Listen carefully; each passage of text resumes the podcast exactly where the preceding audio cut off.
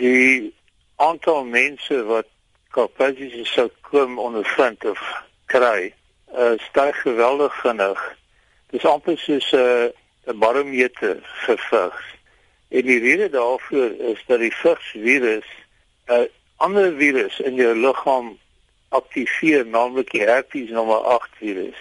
En wanneer die herpes nommer 8 geaktiveer word, dan verander dit selle van jou vel in kankerselle wat dan in jou spierweefsel ingroei in 'n sarkoom vorm wat 'n mengsel is van spierweefsel en velweefsel.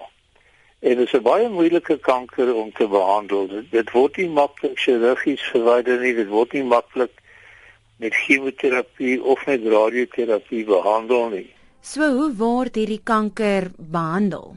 Dit is 'n baie ernstige storie en daar is aanduidings byvoorbeeld dat om dit te behandel moet jy beide die vigsvirus in die beer met met retrovirale middels en antikankermiddels gelyktydig ook gebruik. So ek dink jy kan sien dat ons hier te doen het met hierdie effek van vigs wat baie ernstig is. Ek het 5 jaar gelede voorspel dat daar 'n tsunami van hierdie kankers in Suid-Afrika sou plaasvind. En vir jare lank het dit gelyk asof dit nie gaan gebeur nie.